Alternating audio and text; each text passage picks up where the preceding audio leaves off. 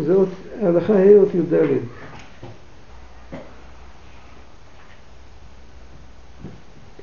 זהו ויאמר השם אל אברהם, לך לך מארצך וממולדתך ומבית אביך אל הארץ אשר אראך. היינו לארץ ישראל, והפסוק הזה הוא נסמך לפסוק וימות תרח בחרן. כתוב ויבואו עד חרן וישבו שם, ושם השם אמר לו שילך לארץ ישראל. מה זה חרן ומה זה ארץ ישראל? חרן זה היה חוץ לארץ, ארץ ישראל זה ארץ הקדושה אל הארץ אשר הרקע ו... וחרן זה בדיוק הפוך מארץ ישראל. לא, לא חרן זה הפוך מארץ ישראל וחרן רש"י אומר עד כאן חרון, חרון אף של מקום בעולם. את חרן זה מלשון חרון אף עכשיו בפסוק מדובר על חרון אף של הקדוש ברוך הוא. כל זמן שאברהם אבינו היה עדיין בחרן היה חרון אף של הקדוש ברוך הוא על העולם. זאת אומרת, הקלקול שהיה מדור המבול ותוקן על ידי המבול, אחרי זה היה דור הפלגה, וזה עדיין לא תוקן לגמרי, הם נפוצו על פני כל הארץ, אבל המשיכו לעבוד אלילים בכל זה, וכל זמן שאברהם אבינו לא נסע לארץ ישראל, אז עוד לא התחיל התיקון. וילך למסעה ויקרא שם בשם השם, זה כתוב מתי שהגיע לארץ כנען. התיקון שהיה באור כסדים שם, הוא עשה מסירות נפש, זה נתן לו כוח לאחר כך, אבל עצם התיקון הוא התחיל, אה, כתוב שהוא, את הנפש אשר עשו בחרן הם גיירו, אברהם מגייר את האנשים, שרה מגיירת את האנשים, אבל מצד שני אף אחד לא נשאר מהם. מכל אלה לא, לא נהיה עם שמאמין בהשם.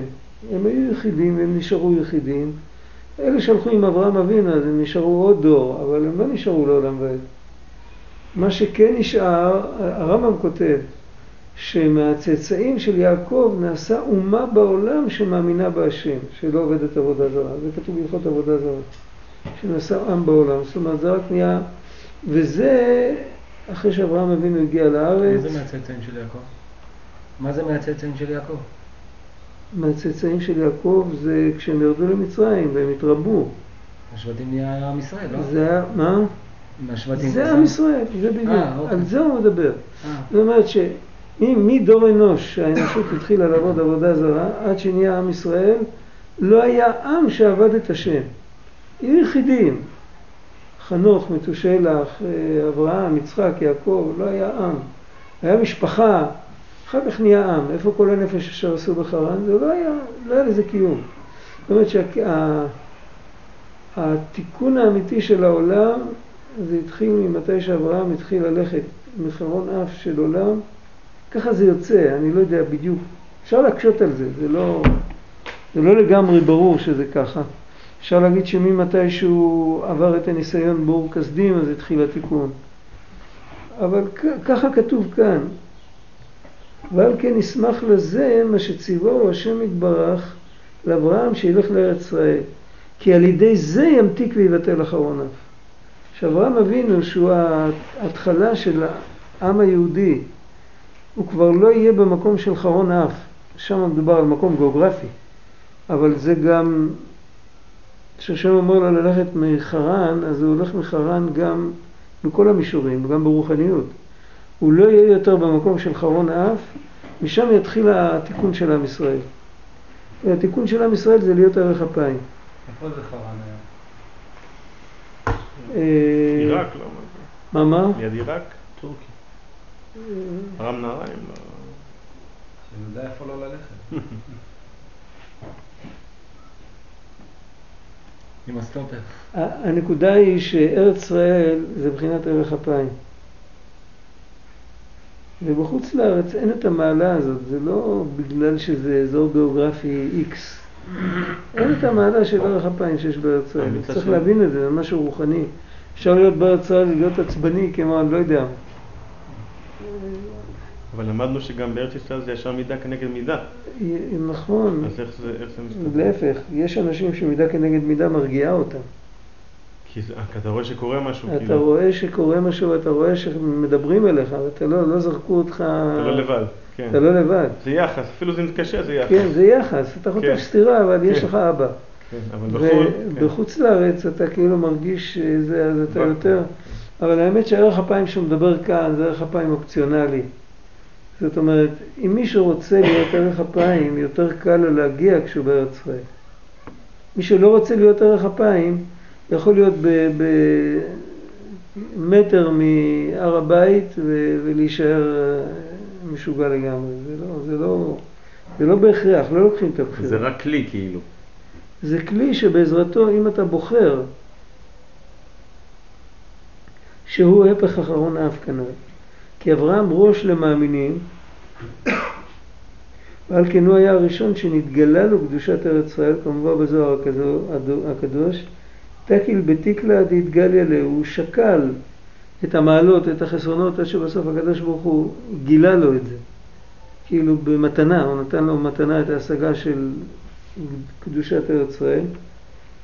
כי ארץ ישראל מבחינת אמונה, מבחינת עריכת אפיים כנ"ל. זה בעצם. ה- הרבי מלובביץ' אמר פעם שצריך לשמוע את זה כל מי שעוסק בתורת הנפש. אמר שאמונה בהשגחה פרטית זה התרפיה הטובה ביותר לכל, לכל חולי העצבים בעולם. ככה הוא אמר. לא צריך יותר. אם מחזקים ליהודי את האמונה בהשגחה פרטית, אז הוא רגוע. אפילו שהכל הכל כאילו מתפרק לו מתחת לידיים.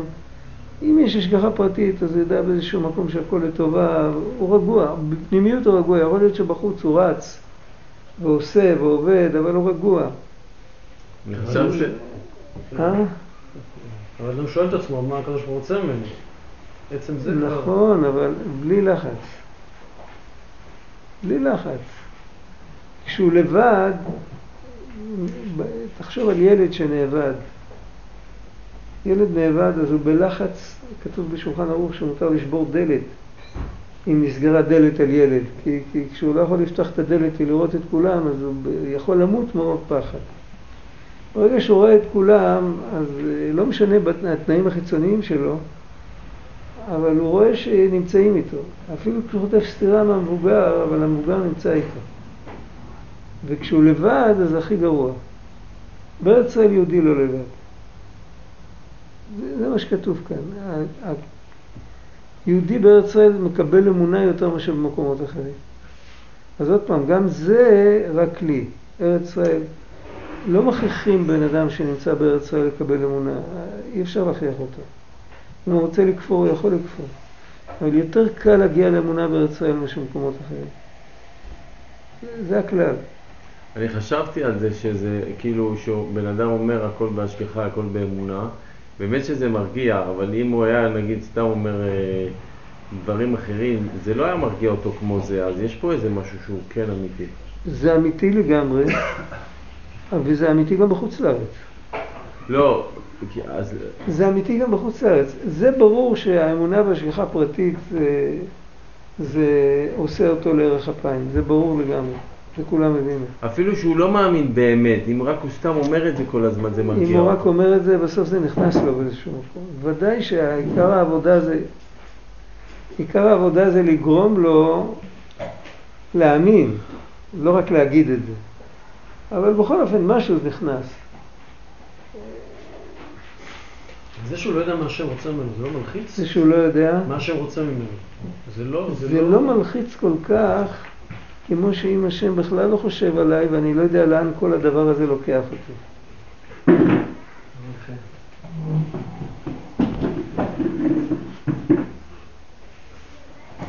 זה ברור. אני בלי נקודת אחיזה. ככה לכל הפחות יש לי קצה של חבל. זהו בחינת קדש לי כל בכור כל לכם בבני ישראל, שהוא התחלת פרשה הראשונה שבתפילין. למה באמת בתוך התפילין, שזה קבלת מלכות שמיים, למה צריך להכניס שם את, ה... את קדושת הבכור? מה זה נוגע לתפילין? שמע ישראל והיה עם שמוע זה מובן, אבל מה נוגע הקדש לכל בכור לתפילין? אם היו מכניסים שם פרשה של כל ישראל קדושים, מילא, אבל אם אני לא בכור, אני לא מניח תפילין, למה הקדש לכל בכור נכנס לתפילין? אז הוא אומר כי עיקר התפילין נמשכים מבחינת קדושת הבחורים שהוא ההולדה הראשונה של בחינת יציאת מצרים.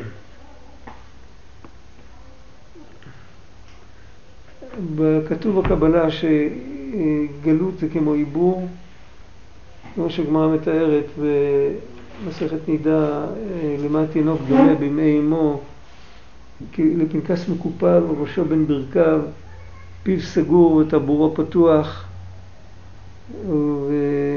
ואז כתוב שנר דלוק על ראשו, מלמדים אותו את כל התורה כולה. כשננער לצאת מאוויר העולם, בא מלאך וסתרו על פיו ושוכח כל מה שלמד, ונפתח הסתום ונסתם הפתוח, שאילולי זאת לא לא היה קיים אפילו דקה אחת.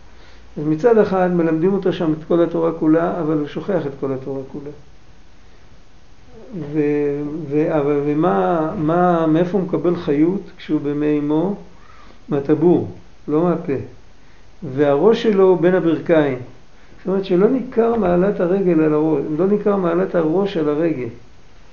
זה מצב של גלות, כתוב בכתבי אריזה על תלת כליל הנגות תלת, כי כאילו שהספירות שה, העליונות הן כאילו ב, ב, בהתלבשות ובאחדות עם הספירות התחתונות וכולם במדרגה התחתונה. זה עניין של עיבור, זה כאילו בן אדם שכל המציאות שלו זה רק נצח עוד יסוד. אין לו חסד גבורה תפארת, אין לו חוכמה בינה דעת, אין לו כתר, אין לו כלום, יש לו רק אה, נצח עוד יסוד, זה נקרא לזה בשפה פשוטה רמת ההתנהגות. אין לו, אין לו רמה של רגש, או רמה של שכל, או רמה של אה, שאיפות, או משהו כזה, רמת ההתנהגות. זה גלות. כשבן אדם נמצא במקום הזה זה גלות. לצאת, מה זה בעבודת השם רמת ההתנהגות? זה מצוות אנשים מלומדה. זה רמת ההתנהגות. הוא דופק את הכרטיס, בדיוק מדויק הכל, אבל בלי שום... למעשה, כל פעם שאנחנו מתפללים, או כל פעם שאנחנו עושים מצווה, בעצם זה כמו התבודדות. רק מה, מה ההבדל? מה, מה עושה את זה שזה לא יהיה חי כמו התבודדות? זה שזה כל פעם בדיוק אותה מצווה, ושזה כל פעם בדיוק אותו טקסט, כל פעם זה אותו, אותם כמה מילים. אם היו נותנים לנו להתפלל כל תפילת עמידה, כל פעם בנוסח שונה לחלוטין. היו רק כותבים לנו, כמו בסידור רינת ישראל, היו כותבים לנו רק את הכותרות, והיו נותנים לנו לחבר לבד את התוכן של הברכה. מכירים את רינת ישראל? יש לפני כל ברכה, יש כותרת. ברכת השנים, נכון. בקשת סליחה. אם היו נותנים לנו לחבר לבד את הברכה, בטח שכל פעם היינו מחברים אחרת, מי זוכר מהפעם הקודמת? זה היה מחזיק שבוע. זה היה מחזיק שבוע. אה, אחר כך היינו מפסיקים לגמרי. יכול להיות. אבל בשבוע הזה היינו מתפללים הרבה יותר טוב. זה אין מה לדבר. זאת אומרת שבעצם הרוטינה הזאת, שזה הכל כל הזמן אותו דבר, זה מוריד אותנו לרמת ההתנהגות.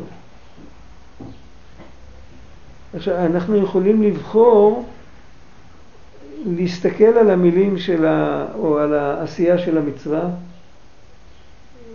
להסתכל על זה כעל דבר חדש לגמרי, כאילו, היום נעשיתי בר מצווה, היום הנחתי תפילין פעם ראשונה. רבינו אמר פעם שאם אה, רואים שיש, אה, נגיד, בחנוכה, שמגיעים להדלקת נר חנוכה, יש התלהבות יוצאת מגדר הרגיל. אז זה בגלל שכל השנה מתייחסים למצוות שיותר סדירות, נר חנוכה זה גם כן. אחרי שבוע, בנר השמיני כבר לא מתרגשים כל כך. בנר הראשון מתרגשים. אבל אם ההתרגשות היא יותר מן המידה, סימן שלא מתחדשים כל השנה.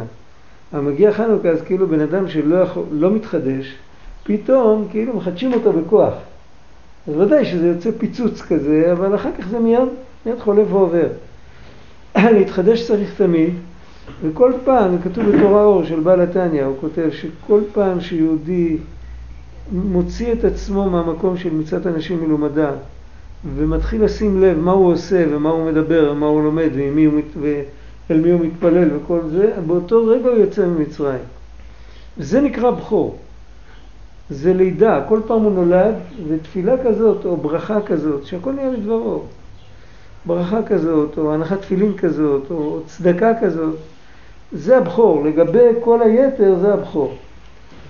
לפי זה יכול להיות שבן אדם, שכל המעשים שלו, כולם היו בכורים. תקדש את הבכור, תרצה תמיד. אז זה מה שכתבו לנו בתפילין. גם כשמתחדשים, נכון, אבל גם כשמתחדשים עדיין חנוכה יש בזה. בסדר, אבל, אבל זה, זה נורמלי, זה לא, זה לא מגיע, זה לא מתנפלים על, אה, לא מתנפלים על חנוכה כמו, על, כמו בן אדם צמא במדבר. הוא, הוא יודע מה זה להתחדש, הוא, הוא עושה את זה עם מידות של עולם התיקון, לא עם מידות של עולם התוהו. רק כשמישהו עושה את זה עם מידות של עולם התוהו, אז אה, כמו שאומרים, יעלו שמיים ירדו למאה. זה מראה זה מראה על, על משהו לא מאוזן. אבל מצוות אנשים מלומדה זה כמו קליפת נוגה. אבל גלות מצרים זה, זה קליפות טמאות, זה אותו דבר. יש מצרים ויש בית עבדים. זאת אומרת, זה בתוך שתי מצרים גלויות. יש רמות? יש רמות. מצרים זה קליפת נוגה ובית עבדים זה שלוש קליפות הטמעות. אה, ממצרים גאלתנו, מבית עבדים פדיתנו. לפדות, לגאול זה, זה ביטוי הרבה יותר מינורי מאשר לפדות. אבל זכר ליצאת מצרים כל יום שאנחנו מכוונים, מה זה? איזה זה? זה לשניהם. זה לשניהם. זה לשניהם. אז אנחנו כאילו בשניהם עכשיו. אנחנו במידה מסוימת, את, מה פירוש? על הרמה הזאת של הפוטנציה, הרי אנחנו, אנחנו עלולים בכל רגע לחטוא. אין לנו מחסום כזה שחטא מגעיל אותנו ואנחנו מתחילים להקיא, זה לא, אנחנו לא בדרגה הזאת. אנחנו עלולים כל רגע לחטוא, והיות שאנחנו עלולים כל רגע לחטוא, אז אנחנו אומרים ממצרים גאלתנו, אנחנו נזכרים בזה שיש כוח, הקדוש ברוך הוא הוציא אותנו. ומבית עבדים בדיתנו, לא, זה להפך, זה בית עבדים בדיתנו. ומצרים גאלתנו זה כנגד תאוות היתר וכל העניינים של אה, היום-יום, וממילא זה גם כולל את המצוות האנשים מלומדה. אז זה מתקן את הנוגה, את ה- כן. המצרים. כן. כי עיקר התפילין נמשכים מבחינת קדושת הבחורים. כל העניין של התפילין זה, כאילו כשמסתכלים מהצד, רבנו אמר פעם למישהו, אה, סיפור שלם, אני לא יודע איך לספר את הסיפור, אמר לו, תשים לב, אם, אם יבוא גוי איך שאתה מניח תפילין בבוקר, אתם מכירים את הדיבור הזה? הוא יחשוב שאתה השתגעת. אתה שם קופסה שחורה פה, קופסה שחורה פה, אתה קושר את זה, ואתה לא מדבר עד שאתה, ששמת את זה, אתה לא מדבר עד שאתה שם את זה, אחרי זה אתה מתחיל להתפלל, אתה כבר לא, לא מסתכל יותר על אף אחד, רואה אותך עומד עם מתנדן עם שתי קופסאות שחורות כאלה, עכשיו שאתה משוגע. בעצם כל, כל העניין של התפילין זה בא בשביל לעורר אותנו, להוציא אותנו מהשגרה. לא, זה לא משהו טבעי כמו לתת צדקה או לעזור למישהו לדחוף אוטו. זה דבר שאם לא היו אומרים לנו את זה, בכלל לא היה עולה בדעתנו שזה, לעשות דבר כזה. זה אמור להיות מוזר. זה אמור להיות מוזר. מה אתה עושה? זה אמור להיות מוזר, זה מה שהוא אומר כאן, זה אמור להיות מוזר כי זה אמור לעורר אותנו. דבר לא מוזר, פחות, יש לו פחות כוח לעורר. כשבן אדם עושה דבר מוזר, אז הוא, יש יותר סיכוי שהוא ישאל את עצמו מה אני עושה עכשיו. מה, מה, זה, מה זה קדושת הבכור? אמרנו שהבכור זה בא קדושת הבכור להתחדש. משהו מיוחד, אז זהו, אני לא הסברתי את זה טוב שאתה שואל- טוב שאתה שואל אותי.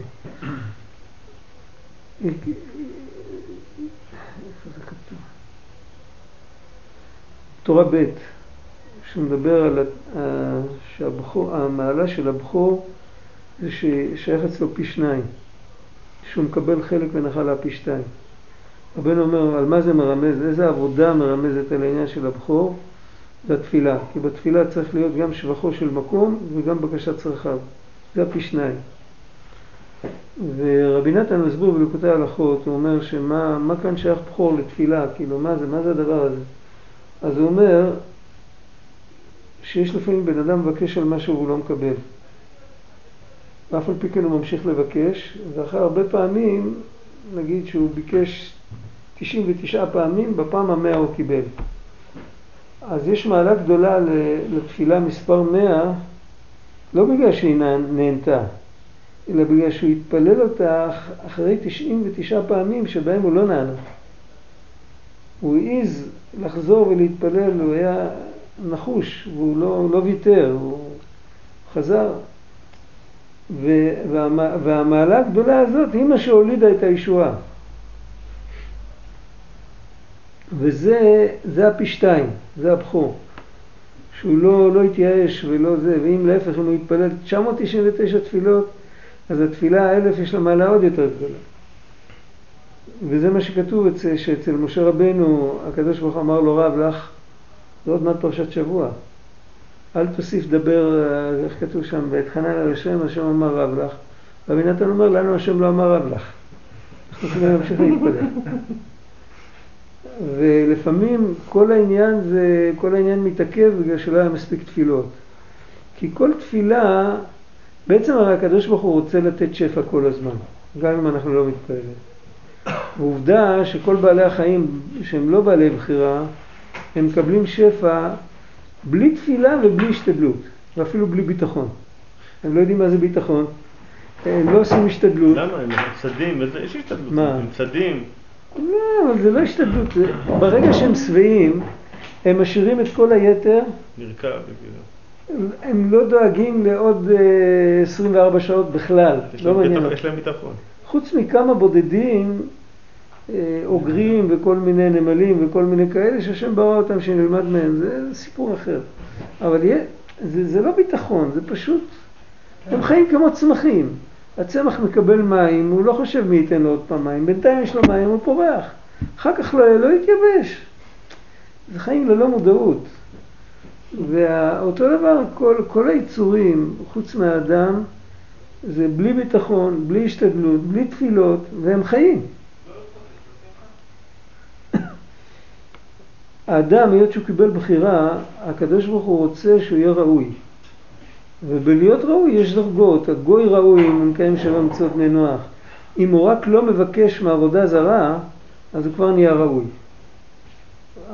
היהודי נהיה ראוי, ליהודי יש איסור לומר כוחי ועוצם ידי. היהודי נהיה ראוי על ידי התפילה בזה שהוא מבטל את הכוחי ועוצם ידי. הרי כשהוא מתפלל, אז, אז הכוחי ועוצם ידי איננו. זה ברור. מה אתה מתפלל אם אתה מסתדר לבד? זה נקרא הבכור, אז ממילא אם יהודי באמת מוחק את הכוחי ועוצם ידי בכל תפילה שהוא מתפלל, אבל בכל תפילה נולד בכור. זו תפילה מספיק חשובה שיכולה להביא לו את הישועה. הישועה הזאת זה כמו פטר רחם, זה כמו אישה עקרה שלא ילדה ופתאום היא יולדת. והתפילה הזאת הביאה את הישועה. ומה נפתח? נפתח הלב של היהודי שהוא לא יגיד כוחי ועוצם ידי. כל זמן שהלב אה, הלב סגור, אז השפע לא מגיע. לא בגלל שהשם לא רוצה לתת את השפע, השם תמיד רוצה לתת את השפע. אנחנו, עם התפילות שלנו, אנחנו לא הופכים אותו מאחד, מאחד שלא רצה לאחד שכן רצה. אם הוא לא רוצה, אז הוא לא ייתן. אנחנו לא, לא צריכים לשכנע אותו שייתן כי אנחנו נחמדים.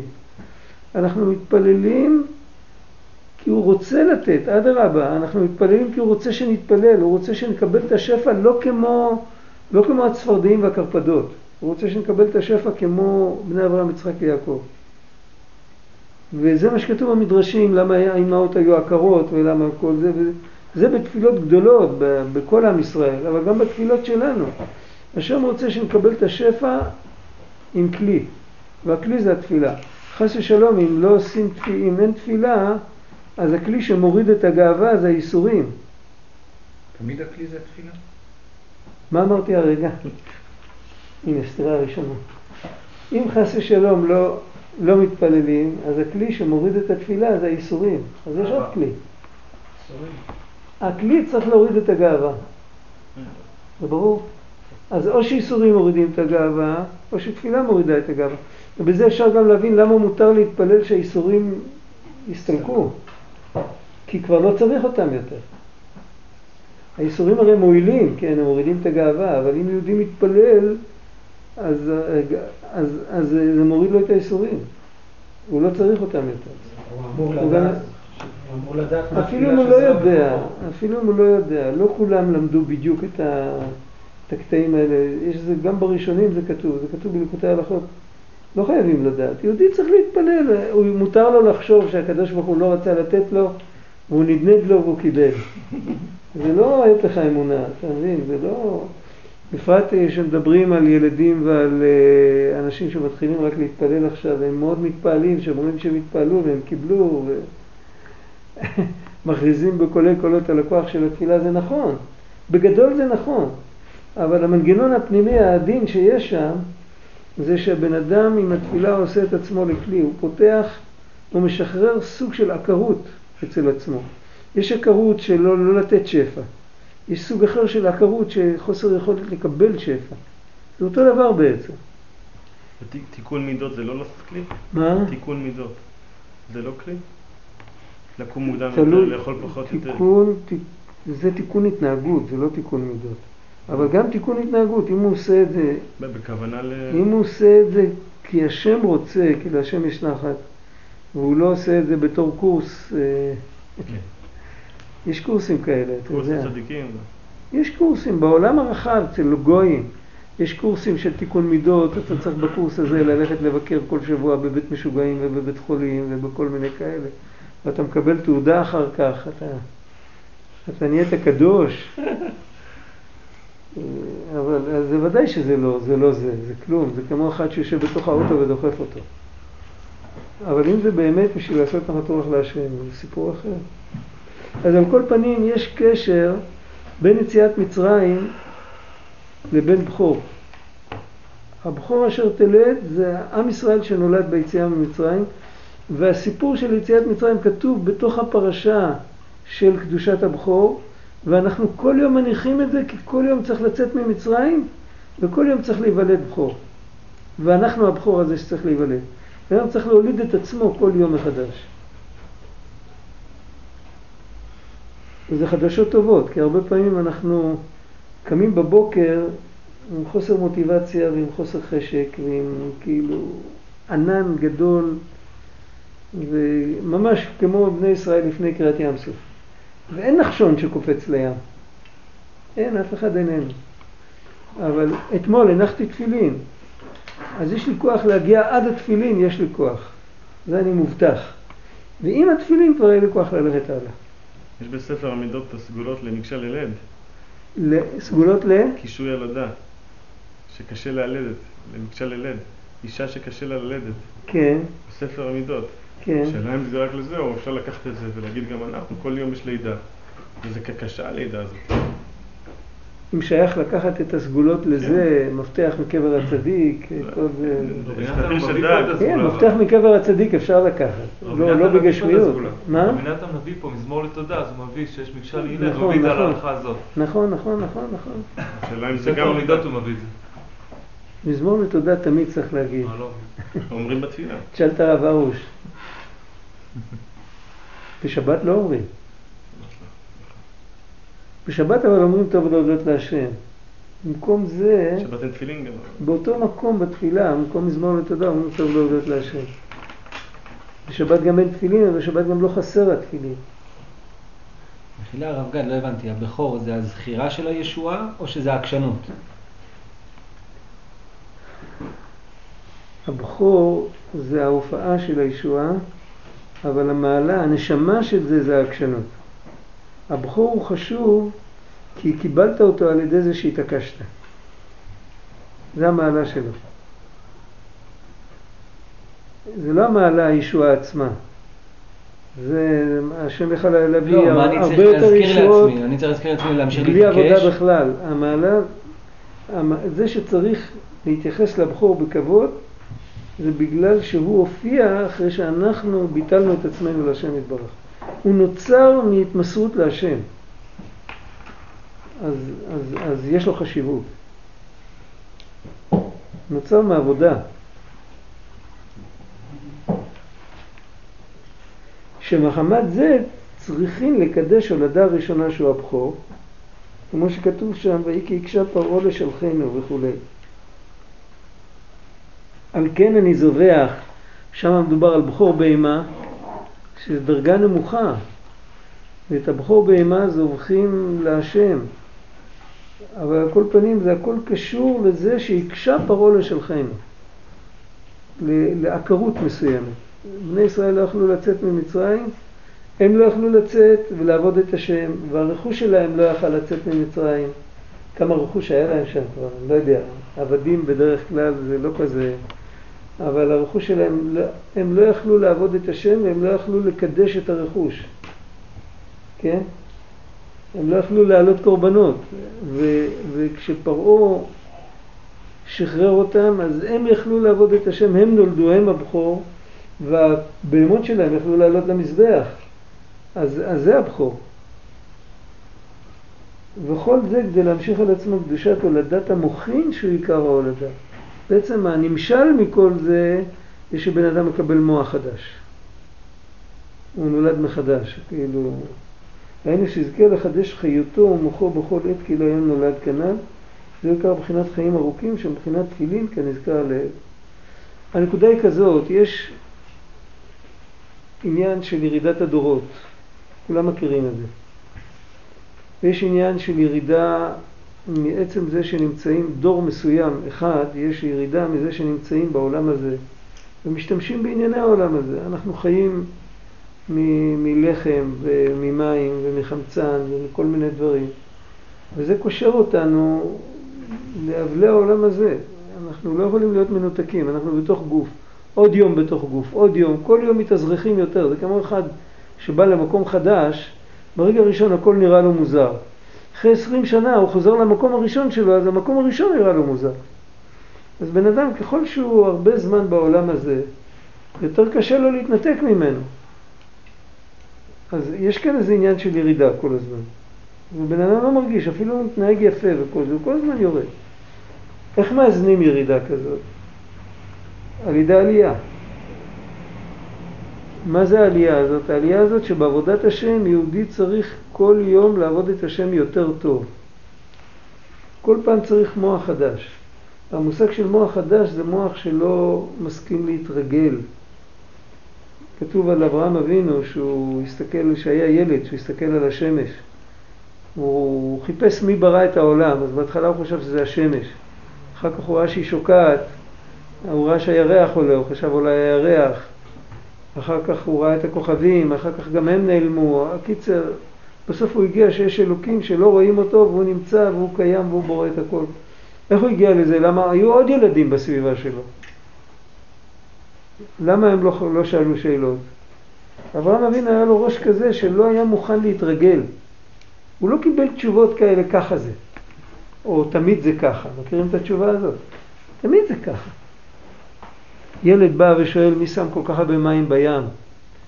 פעם ראשונה רואה את הים, זה הים, הרבה מים האלה, זה הים, אף אחד לא שם משהו בים. חונקים בו את אברהם אבינו הקטן. זהו, אז אנחנו צריכים להוליד מוח חדש כל פעם, מוח שלא מקבל שום דבר כמובן מאליו. כל יום, זוכרים את הסיפור על האחד שעומד ליד הכיור ליטול ידיים לסעודה? זוכרים את הסיפור? בישיבה. מה? בישיבה. בישיבה, לא? לא, לא הסיפור הזה, סיפור אחר לגמרי, זה סיפור מקוצק. הם היו אומרים שיהודי, אם הוא שואל את השאלות הנכונות, הוא יכול להגיע מנטילת ידיים לסעודה לדבקות. לא מהסעודה, נטילת ידיים לסעודה, למה? הוא עומד ליד הכיור, הוא הולך למלות נטלה, אז לא היה ברזים. וליטול ידיים תוך הדלי התחתון, ברגע, רגע, הוא יוצא רגע, הוא אומר, מה אני עושה עכשיו? אני נוטל ידיים. מה זה נטילת ידיים? מצווה מדרבנן, שלפני האוכל צריך ליטול ידיים, סרח תרומה, יש... מי הם רבנן? המסורת, התורה עברה, עברה דרכם וכל זה. מי? מה זה תורה? חוכמתו של הקדוש ברוך הוא. מי זה הקדוש ברוך הוא? מי שברא את העולם ובורא אותי ובורא את הכל. קיצר, הוא עומד שם עם הנטלה ביד והוא, והוא מתחיל להתבונן בגדולת השם. הוא מגיע מה, מהנטילת ידיים לסעודה החבר'ה בקוצקי יכלו גם לשכוח ללכת לאכול עם התבוננות כזאת. אבל על כל פנים, אה, מה זה הגיע לו? זה הגיע לו סך הכל מדבר אחד קטן. שהוא שאל את עצמו מה הוא עושה. מה ההבדל בין בן אדם ששואל את עצמו מה הוא עושה לבין אדם שלא שואל את עצמו מה הוא עושה? זה הולך עם ההרגל, זה שואל את עצמו מה הוא עושה, זה אברהם אבינו קטן. הוא לא, הוא לא, זה שהשמש... מה, אתה לא יודע פעם ראשונה שאתה רואה את השמש זורחת? כאילו אברהם אבינו הולך לאימא שלו ושואל מי מזיז את השמש? תמיד זה ככה, השמש זזה, מה, אתה לא יודע, כבר זזה כמה אלפים שנה, מה אתה שואל שאלות? זה, אז זה ההבדל בין, בין, בין מי שאומר, מי שחונק את זה, ועיקר לידה, עיקר הלידה זה לידת המוחין, ולידת המוחין זה לא לקבל שום דבר כמובן מאליו. אבל אדם שואל שאלה ואין לו תשובה. אה? אדם שואל שאלה ואין לו תשובה לשאלה. בסדר, אבל הוא יכול, אם הוא שואל ברמה קצת יותר גבוהה, אז לפעמים הוא מקבל תשובה גם ברמה הנמוכה. לפעמים כשהוא נמצא נמוך ואתה רוצה לראות שטח, אז אתה עולה על מקום גבוה. זה טבע. ככה זה. דיברנו על זה הרבה פעמים, כשאתם הייתם פה אז. אה, איינשטיין אמר, אם רוצים לפתור בעיה, אי אפשר לפתור אותה מאותו גובה שבה היא נוצרה, צריך לעלות למקום יותר גבוה. זה נכון גם בעבודת השם. בן אדם הולך לו קשה, הוא, הוא, אין לו חשק ללמוד. אין לו חשק ללמוד זה בגלל שהוא לא אוהב את הלימוד, לא בגלל שהספר לא מודפס בדיו יפה. אז זאת אומרת שהבעיה שלו היא בעצם יכולה להיפתר ברמה של הרגשות, של החגת. יש לו בעיה במלכות, אבל לפתור את הבעיה צריך בחגת, ואם גם בחגת שלו לא בסדר, צריך לפתור אותה בחב"ד. ואם בחב"ד זה לא בסדר, צריך לפתור את זה בכתר. זאת אומרת שעצם הקושיים גורמים לנו כל פעם להיכנס למקום יותר עמוק. אם היצר הרע בא יותר מדי, סימן שאני משחק, כילד קטן שמשחק ליד גבול של מדינה עוינת. אני צריך לתפוס את עצמי, לשים את עצמי במקום יותר טוב. אז זאת אומרת שעצם הירידות הן גם גורמות לנו שיהיה לנו מדרגות לעלות. הן מספקות לנו מדרגות לעלות, כמו כל מדרגות. באותן מדרגות שיורדים אפשר גם לעלות. והפקיחת וה, וה, עיניים הזאת, חוסר השגרה, לצאת מהשגרה, זה קדש לכל בכור. זו הפרשה הראשונה של התפילין. אפשר להסתבך עם יותר מדי שאלות? אתה שואל כל פעם שאלה אחת. אתה שואל מה? מה זה הדבר הזה? מה? אתה רק שואל מה. אפשר לשאול עוד הרבה שאלות. יש בדקדוק לומדים על הרבה שאלות. אבל אתה שואל רק שאלה אחת. הזכרנו את זה, רבנו אמר למורנת, אה, אתה כן מדבר עם אנשים, תשאל אותם מה. רק השאלה הזאת כבר יכולה... הקדוש ברוך הוא שואל אותנו מה, ואתה ישראל, מה השם אלוקיך שואל ממך? אנחנו צריכים לקיים והלכת בדרכה, ואנחנו צריכים לשאול אותו מה הוא רוצה מאיתנו. לפחות את זה, שאם יש שאלה לא נותנת ל... למצוות אנשים מלומדה לרוץ ככה. שאלה זה דבר שעוצר. שאלה זה כמו רמזור אדום. זה עוצר אותך רגע. אבל למשל אני שואל את עצמי, מה שהם רוצים ממני? אני אומר, ריבונו שם, אני לא יודע. אבל חלק אני יודע. מה, מצוות? חלק אני יודע, אז יופי, אז, אז אני יכול, תודה רבה. רציתי לעשות את זה, פשוט התעצלתי. אני יכול לפחות את הקצת, את הקצת שאני יודע לעשות בגלל שהוא רוצה ולא בגלל שהתרגלתי. אז הנה כבר השאלה הזאת העבירה אותי ממצב של מצוות אנשים מלומדה למצב קצת יותר טוב. ואחר כך לאט לאט.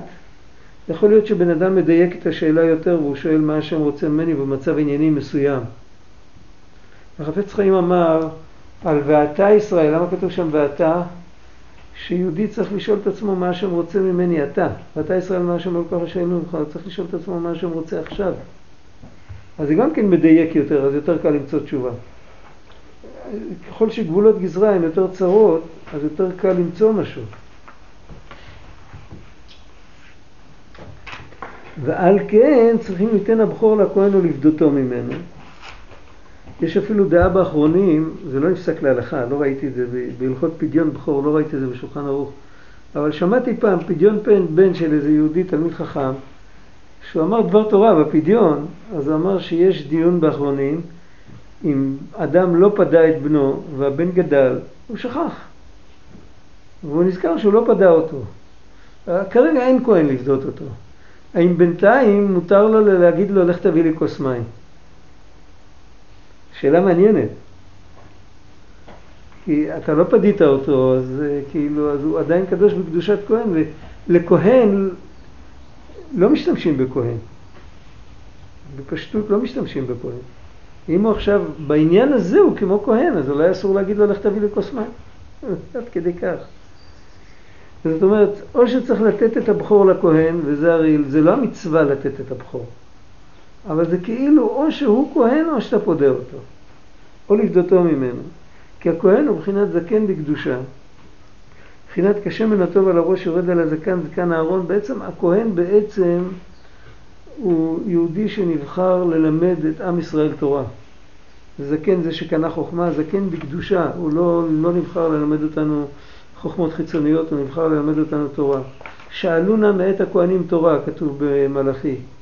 נכון? במלאכי זה כתוב. שאלו נא מאת הכהנים תורה.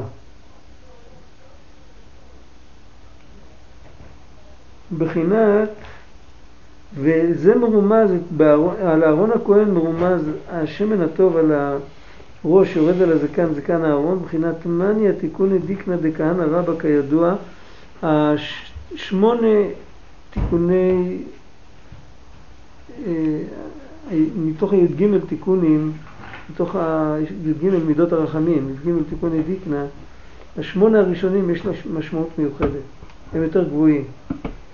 אני לא יודע להסביר את זה. אולי כאן הוא מבין משהו. לא, האחרונים הוא כותב.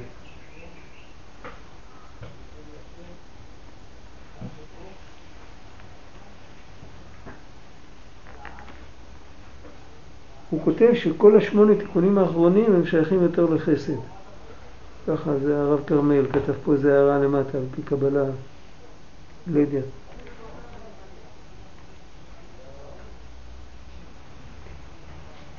וזהו שאמרו אבותינו ז"ל, ושמן על ראשך לא יחסר אלא תפילין שבראש. כי עיקר התפילין נמשכים מבחינת כשמן הטוב על הראש, זקן אהרון שירד על פי מידותיו. אז בעצם על העניין הזה דיברנו כבר, מה זה העניין של, של התיקוני דיקנה, שזה צמצום, שזה מוריד את השפע לרמות יותר נמוכות, מצד אחד, אבל השורש שלהם הוא מאוד מאוד גבוה. זה כשאנחנו מדברים על ג' תיקוני דיקנה, מי שיש לו סידור ספרדי יכול לראות את זה לפני תשליך. יכול להיות שיש את זה גם בעוד סידורים, אני לא יודע, אבל בסידור הספרדי זה ודאי בטוח, ודאי בטוח מופיע, יש שם קטע מתיקוני זוהר שהוא מדבר על הי"ג מידות הרחמים והוא מסביר איך שהם תלויים בי"ג תיקוני דיקנה. י"ג מידות הרחמים זה עניין של גילוי אלוקות, של גילוי חסד גדול, רחמים גדולים. אז למה זה מרומז בסערות, י"ג תיקוני דיקנה, שזה צמצום גדול? זה סתירה מיני ובי. התירוץ הוא שממדרגה כזאת גבוהה חייבים לצמצם. רק מה שנמשך דרך הסערות מהכתר הוא הרבה יותר גבוה ממה שנמשך מהחוכמה או מהבינה אה, בצורה של אה, זרוע או של יד או לא בצורה של שערות. זה ברור, בגלל שהשורש הוא כל כך נעלה, אז אפילו אם זה נמשך בצורה הכי מצומצמת, בתכלס אתה מקבל הרבה יותר. אז למה זה עובר דרך צמצום? כי זה גוף הרחמים. שאם זה היה נמשך בהתגלות יותר מדי, היינו מקבלים יותר מדי, ואז לא היינו, לא היינו מקבלים בכלל. הצמצום הוא לקבל ממקום מאוד גבוה, זה לא הסתרה, זה לא צמצום של הסתרה, זה לא צמצום שאתה מקבל פחות. אתה מקבל את אותו דבר, אבל בצורה, בריכוז כזה שאתה יכול לסבול אותו. זה ג' תיקוני דיקנה. והכוח הזה נמצא בתפילין. הכוח, ההתעוררות של ג' לימדות הרחמים נמצא בתפילין. וזה כל כך חשוב, צריך לדאוג שהתפילין יהיו קשירות. הבן אדם, יש תמיד שתי הבחנות, יש תמיד הבחנה במצוות. בן אדם לא בדק את התפילין, כל יום שהוא מניח אותם, אז זה נחשב לו שהניח תפילין. הוא לא יקבל עונש על זה שהוא לא הניח תפילין. כי יש להם חזקה שהן קשרות. אבל את הכוח הרוחני שיש לתפילין, יש לתפילין קשרות דווקא.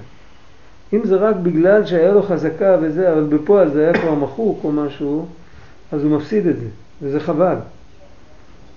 אז צריך לראות לפחות פעם בשלוש וחצי שנים לבדוק תפילין, לראות שהכל בסדר. שאין חורים בבתים ואין מחיקות באותיות וכל מיני כאלה.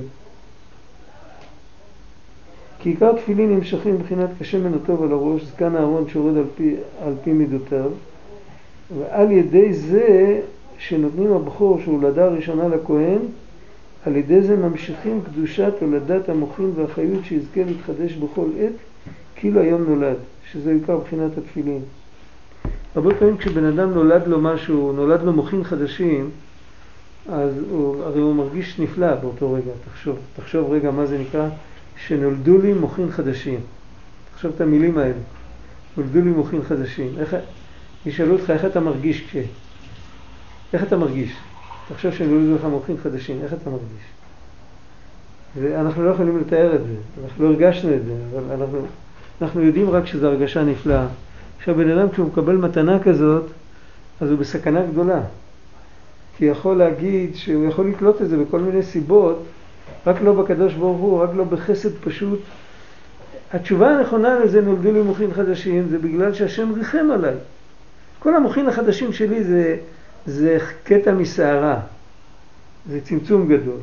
ולמה זה בא? זה את ג' תיקוני דיקנה, זה את ג' עמדות הרחמים, השם ריחם עליי, אז קיבלתי. אבל מה יהיה אם בן אדם לא מכוון, אז הוא נכנס לאופוריה, אתם רואים איזה מוצלח אני. קיבלתי מוחים חדשים. זה בסכנה גדולה. את זה הוא צריך לתת לכהן. את המוחין החדשים הוא צריך לתת לכהן. מלמדים אותו למסור אותם חזרה. מה זה הכהן? מוחין חדשים לא נותנים לכהן. ילד שנולד פודים, נותנים את הכסף לכהן. בעל חי שנולד, בכור, עגל, בכור, נותנים אותו לכהן. אבל מה עושים, איך, איך מוסרים מוחים חדשים לכהן?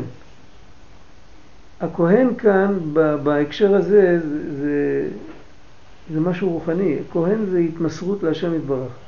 רש"י אומר שכהן זה משרת לאלוהות. כל כהן הוא, זה יכול להיות כהן הון, זה יכול להיות כהן לעבודה זרה, זה יכול להיות כהן שמשרת אלוקי אמת, שמשרת את הקדוש ברוך הוא, אבל כהן זה בן אדם שהקדישו אותו לשרת, כהן זה התמסרות. אם הוא צריך לתת את המוחין החדשים שלו לכהן, זאת אומרת שהוא צריך להתמסר איתם לקדוש ברוך הוא. הדבר הראשון שהוא מקבל מוחין חדשים, הוא צריך להגיד תודה להשם. זה הדבר הראשון. ואחר כך עם המוחין החדשים האלה לעבוד את השם. זה נקרא, וזה קדש לכל בכור. ועל זה צריך לחשוב כשמניחים תפילין. קמת היום על צד ימין, תיתן את זה לקדוש ברוך הוא. ובוא בוא לא, לא נהיה כפויי טובה, רוב הימים אנחנו קמים על צד ימין. לא כל יום זה איכס כזה גדול. הרבה פעמים קמים כמו בן אדם, מה יש? זה חסד גדול. אם אנחנו יודעים איך אפשר לקום וקמים על צד ימין, כמו שקוראים לזה, זה חסד גדול. אז עם החסד הזה, קודם כל להגיד תודה, בשביל זה כשאנחנו פותחים את העיניים אנחנו אומרים מודה אני, זה הכנה לתפילין, זה, זה למסור את הבכור לכהן. ו... ואחר כך כשמניחים תפילין צריך באמת לחשוב על זה.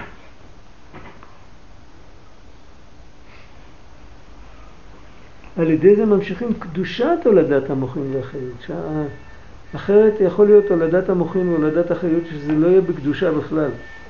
אפשר להגיע מזה בסוף לאיזו שיטה חדשה במתמטיקה, השם ישמור לאיזה כלי נשק חדש שיכול להרוג מקסימום אנשים במינימום אה, זמן וטרחה. כל מיני דברים נוראים כאלה, הכל בא מלידה של מוחים חדשים. אם לא נותנים את זה חזרה לקדוש ברוך הוא, אז זה חורבן העולם. ולהמשיך את הקדושה של לידת המוחין החדשים, זה על ידי ההתמסרות, זה על ידי העבודה של תפילין.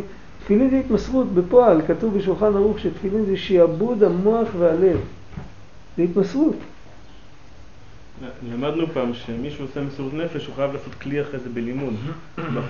מי שמקבל, מי שמקבל אור גדול מלמעלה, כן. צריך לעשות איזה כלי, או בלימוד, או באיזה עסק עבודה, או בכל מיני דברים. ופה כאילו המסירות זה, זה, זה הפוך, כאילו פה אתה אומר שהמסירות זה הכלי.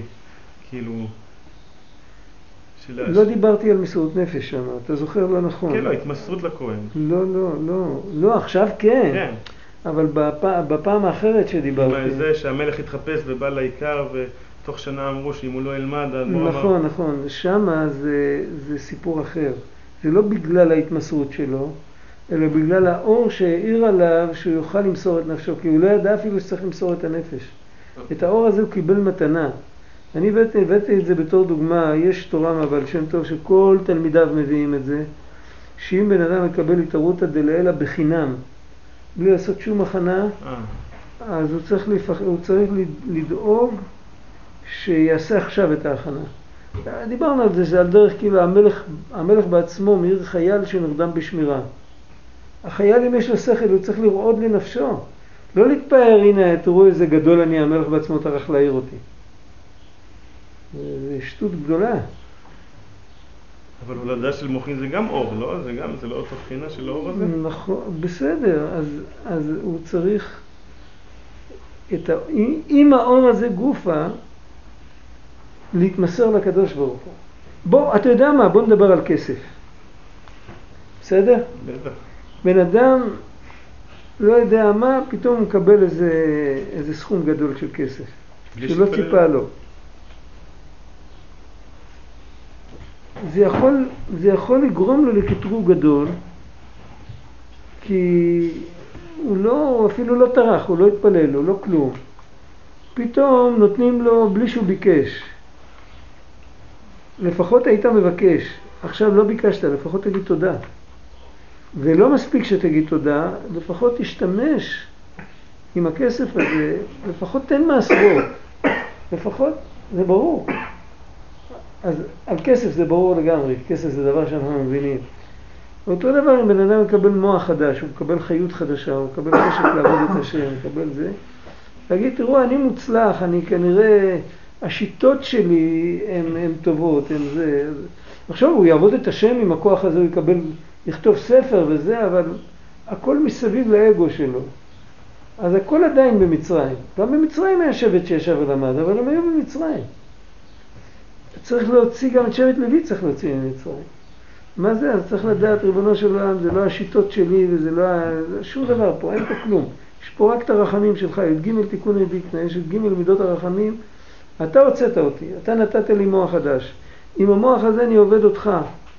אני אומר לך תודה על זה שאתה נתת לי את זה. ואז יש לו גם מידת המוחין, וזה גם נשמר בקדושה. צריך לשים לב למילים, זה כתוב בתוך המילים במפורש.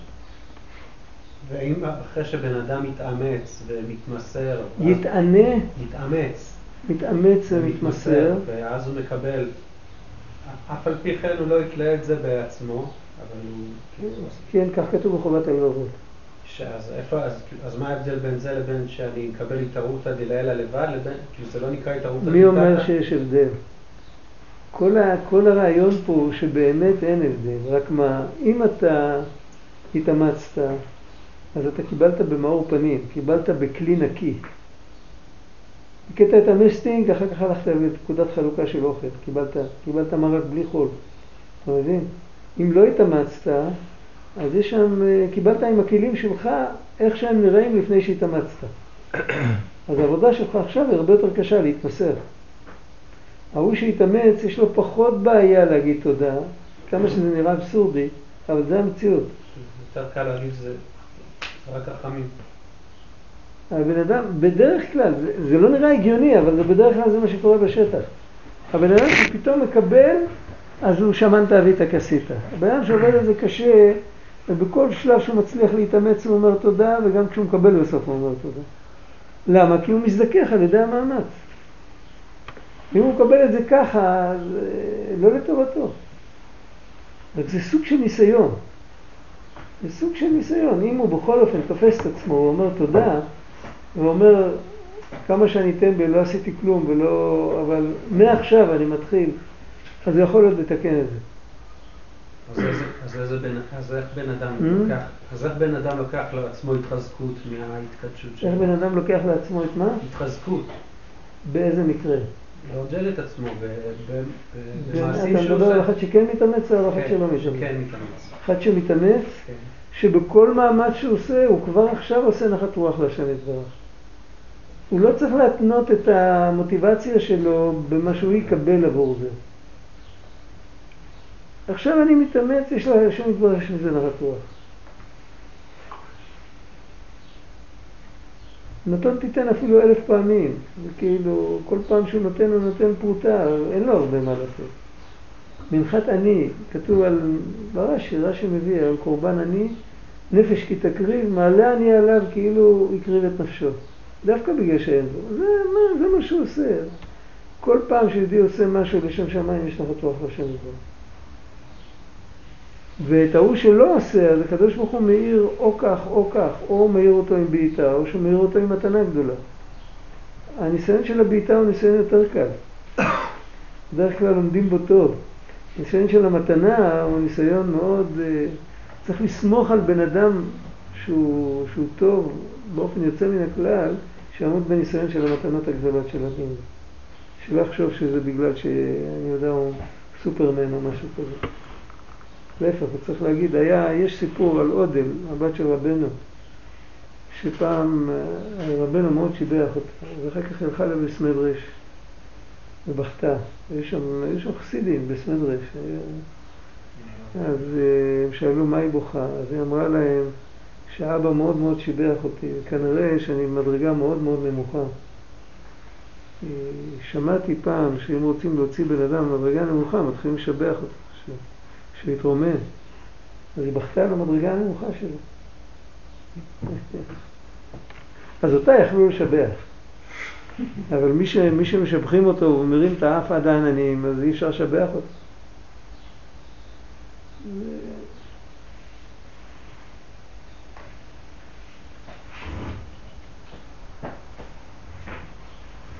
על ידי זה ממשיכים קדושת הולדת המוחין והפניות. זה מחויב שבן אדם יהיה במדרגה קטנה כזאת, כאילו כזה שבח פשוט, לחבר, לאישה, כאילו להזדהות. לא, לא הבנתי מה אתה רוצה, תסביר לי יותר טוב.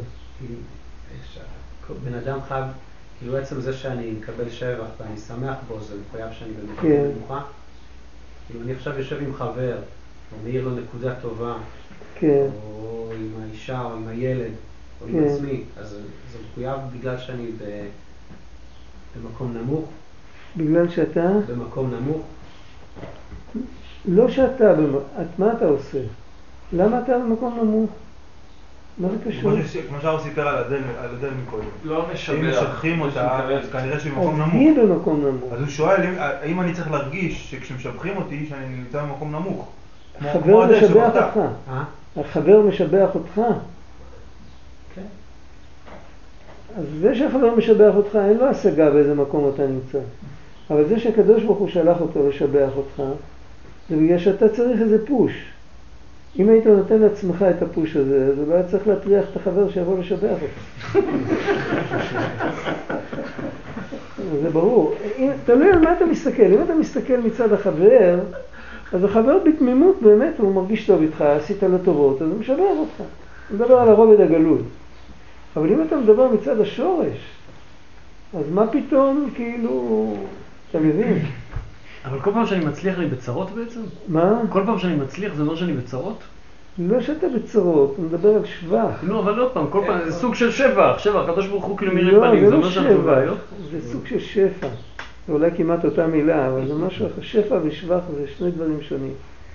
השפע יכול להיות להפך, שאתה במקום מאוד טוב, רק לא ניצלת את הפוטנציאל שלך, ונרדמת בשמירה.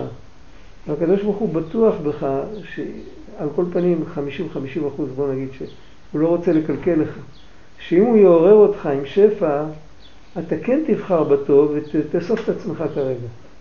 אבל זה לא אומר שאתה במקום גרוע, זה אומר שלא התאמצת. אבל לא שאתה במקום גרוע. אבל בן אדם שמקבל שבחים, תחשוב שאתה, אני יודע, אתה נמצא במירון באיזה שבת, אה, בל"ג בעומר. עומדים שם, אה, לא יודע, כמה, כמה אנשים מגיעים למירון בל"ג בעומר? כמה יש שם? יותר מחצי מיליון. מאות אלפים. מאות אלפים. וזה יוצא בדיוק איזה יום שיש קריאת התורה, לא יודע אם ל"ג בעומר יכול לצאת ביום של קריאת התורה, אני לא יודע, אבל בוא נגיד סתם לצורך העניין, יוצא בדיוק קריאת התורה, ומכל האנשים שם אתה זוכר לקבל עלייה. למה? אני לא יודע למה. בדיוק הבן אדם שעמד שם, הוא הסתכל, נפל עליך. מה זה צריך לעשות לך? עכשיו, אם בן אדם הוא רגיש, אז אחרי שנגמר כל הסיטואציה, הוא אמר ברכה אחרונה, הוא מחכה לעלייה הבאה. ו... זהו, הוא הולך הצידה, הוא הולך הצידה, הוא בוכה את הנשמה שלו לקדוש ברוך הוא. זה ברור לגמרי, הוא מבין, הוא מבין שהוא קיבל כאן איתות, הוא, הוא קיבל נשיקה במצח, אבל הוא גם יודע שהנשיקה הזאת לא מגיעה לו. אז הוא מבין שהוא קיבל חיבוק מהשם יתברך. נו, זה, זה דבר שמעורר לי תשובה, אין דבר שמעורר לי תשובה יותר מזה. אצלי זה דווקא הפוך, אני לא מבין. אז זה לא אומר שאתה גרוע. אבל כשהולכים לבן אדם ואומרים, תשמע, אתה הרי בחור טוב, ואתה בסדר, ואתה זה, ואתה זה, סימן שאתה לא, את כל הכוחות האלה, אתה לא מנצל אותם, ורוצים לעורר אותך שכן תנצל אותם. זה סימן שאתה במקום לא טוב.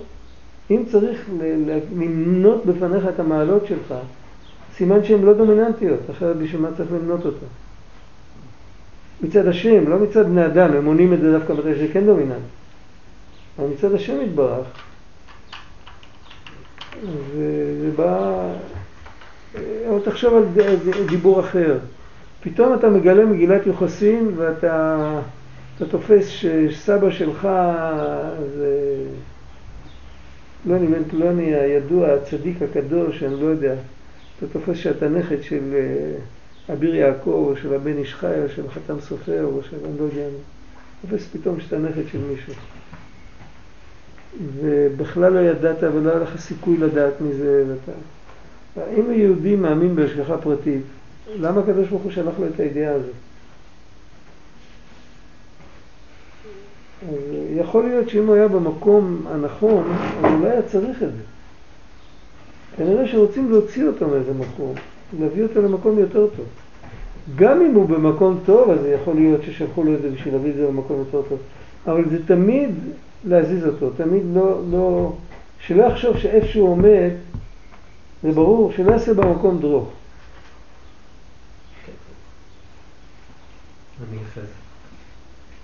כאילו אני אף פעם לא אמור... נרגעת. אה? נרגעת. אה? נרגעת. לא, האמת שלא, זה בלבל אותי קצת.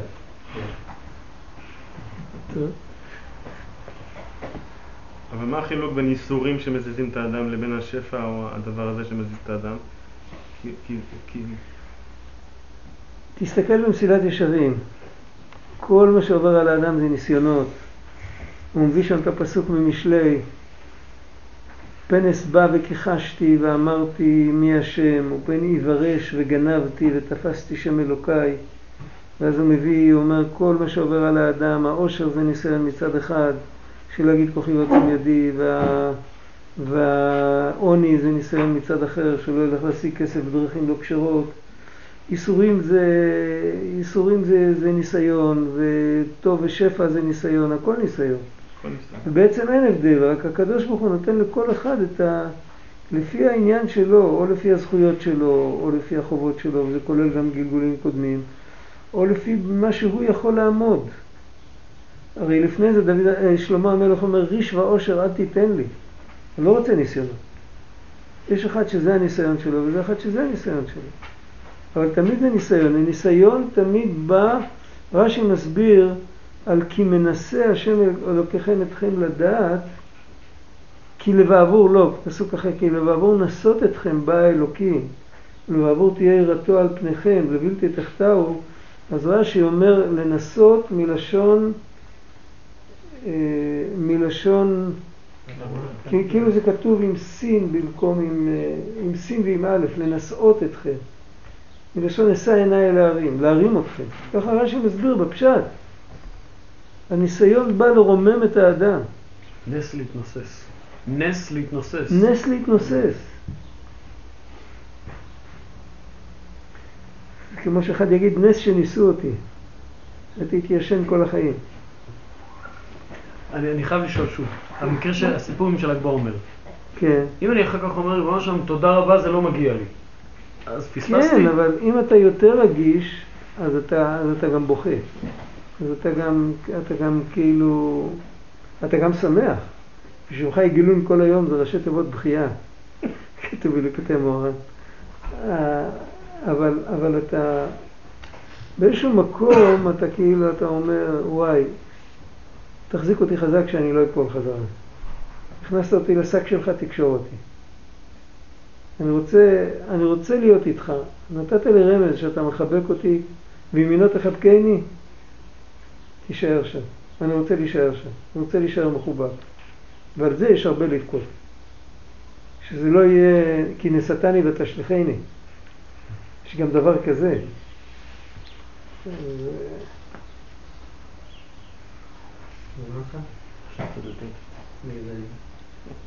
זה...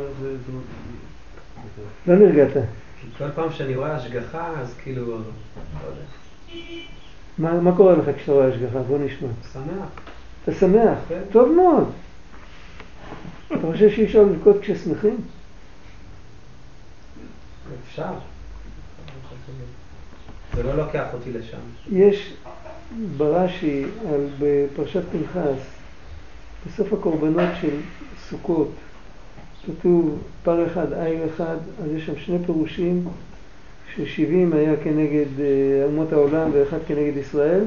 ויש מדרש, הוא כותב בהגדה, עקבו עליי עוד יום אחד, יום השמיני עצרת תהיה לכם, משל למלך שעשה סעודה, ואחרי שהוא גמר עם בני המדינה, אז uh, כאילו הוא לוקח רק את הילדים שלו ויושב רק איתם והוא אומר בוא נגלגל אני ואתה, כאילו, למשל המלך שאמר לו אהבו, יש לשון כזה.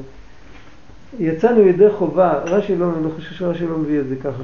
יצאנו ידי חובת בני המדינה, עכשיו בוא נגלגל אני ואתה במה שנמצא. אז לא נשאר הרבה, אבל זו השמחה הכי גדולה. זה העניין של שמחת תורה. עכשיו, שמחת תורה, יהודים רוקדים ספר תורה, אבל הם יודעים שהחגים נגמרו. ויש איזה, כמו שהשם אומר, מי ייתן והיה לבבם זה ליראה אותי כל הימים, אף אחד עוד לא המציא לזה ניגון בשמחת תורה. מישהו צריך להמציא לזה איזה ניגון בשמחת תורה. שאנחנו נבקש, מה? שיר שבמוצאי ראש השנה, אתה יודע. אה, כן, כן, כן, כאילו, מתי נבוא עוד פעם? אז זה כאילו, מי ייתן וה... המקום הטוב שאני נמצא בו, אני לא חושב שאני יכול להיות בהתלהבות כזאת גדולה כל השנה, אבל המקום הטוב, המובן מאליו הפשוט, שיהודים עם התורה, עם הקדוש ברוך הוא זה אחד, המקום הזה, אני יודע שבערב יעשו הבדלה ויפרקו את הסוכות, והמקום הזה אחרי יומיים ייעלם ממני, אז אני בוכה שאני רוצה שזה יישאר מה שיותר. זה הולך ביחד עם השמחה, זה לא סתירה. זה כמו שנפרדים ממישהו. אני דיברתי, לא יודע, אולי הרובד יותר פשוט. מה? אולי אני דיברתי על... יכול להיות, אבל גם, גם ברובד הפשוט אתה מודע לזה שזה מסתלק. מתי אומרים ביום השביעי שבת ויהי נפש? בליל שבת, לא בסעודה שלישית. וחז"ל אמרו, ויהי אבדה נפש, הנפש יתרה עתידה להסתלק. מתי בן אדם מתעורר לזה? בליל שבת, איך שהוא מקבל את, ה, את הנפש הזאת, ובליל שבת יש את ההתרגשות הכי גדולה, השמחה הכי גדולה. איך שהוא מקבל את הנפש הזאת, אז הוא אומר, וואי, זה רק ל-24 שעות, אני רוצה שישאר איתו. וואי, אבדה נפש. זה הולך ביחד. מתי זה לא, מתי זה בא רק השמחה? אם בן אדם זוכה להתאחד לגמרי, כאילו, באופן קבוע, בן אדם שעובר שינוי מהותי, לא שהוא מקבל משהו, אלא שהוא עובר שינוי מהותי, הוא יודע שיותר, הוא לא חוזר למקום שהיה קודם, מתהפך אצלו הכל, הוא יכול לשמוח בלי לבכות. אולי לבכות מהתרגשות, אבל לא לבכות מגעגועים. זה ברור. אז יכול להיות או רובד יותר נמוך או רובד הרבה יותר גבוה. אבל אם זה ככה ביום יום, כאילו שמקבלים איזה מתנה או משהו, אז תמיד אנחנו יודעים שאנחנו לא יודעים בדיוק לשמור על זה. והבכי זה שנזכה לשמור על זה משהו יותר. הוא צודק, מה... מוצאי ראש השנה, שרים מתי נתראה עוד פעם. זו אותה נקודה. לא, נראה, נראה לי שהוא אומר שאם בן אדם פעם, ראש... מה? פעם ראשונה הוא הניח תפילין. כן. אז עכשיו הוא מרגיש שמח שהקדוש ברוך הוא זיכה אותו להניח תפילין, נכון, הוא, נכון, הוא נכון. יש לו איזשהו סיפוק נפשי מזה. נכון, זה הרובד הפשוט. זה? אבל, אבל יש מקום גם לחשוב על זה שמה שאני מרגיש עכשיו, שישאר מזה רושם לכל היום, מה שיותר. לא שעכשיו אני זה ואחרי זה כאילו... יש סיפור עם, אני סיפרתי אותו, סיפור עם יהודי על... צריך להתפלל כבר, לא? מה? כן. יש סיפור עם יהודי על שני שכנים שהסתכסכו קשות ובליל כיפור שם בכל נידרי הגבאי אומר תמחלו רבותיי תמחלו מחול מחול כולם במקהלה הכל בסדר מוצאי כיפור ניגש אחד לחברו ואומר לו יעקב הכל נשאר אותו דבר אתה מבין? אז לא להגיע למצב הזה. זה עבודה, בתפילין זה עבודה. בעצם כשאנחנו מורידים את התפילין ומגלגלים אותם, היינו צריכים להרגיש את אותה צביטה בלב כמו מתי שעובר חג. חג שחיכינו לו חצי שנה. וזה לא קורה.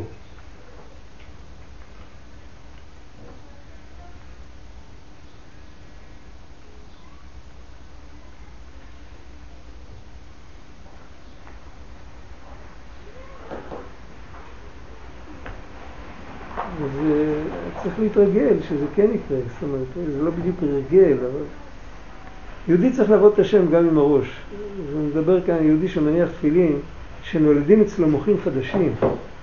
זה דיבור שלא כתוב בהרבה ספרים, שלא מדברים עם אנשים פשוטים כמונו על דיבור, על דבר כזה, שכשאתה מניח תפילין נולדים אצלך מוחים חדשים.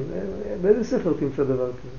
אולי יכתבו את זה על צדיקי יסוד עולם, אבל אה, ככה, בגובה העיניים, לנו. אז צריך לדעת שכנראה זה שייך לנו באיזשהו אופן. בקטנה. ואם נקבל את זה ככה ונאמין שזה שייך, אני פתח לזה ונרצה שזה ישאיר רושם, מה שיותר, אז למחרת זה יהיה קצת יותר ועוד קצת יותר. אני אומר את זה לעצמי, אני לא אומר את זה לאף אחד. יש דבר כזה.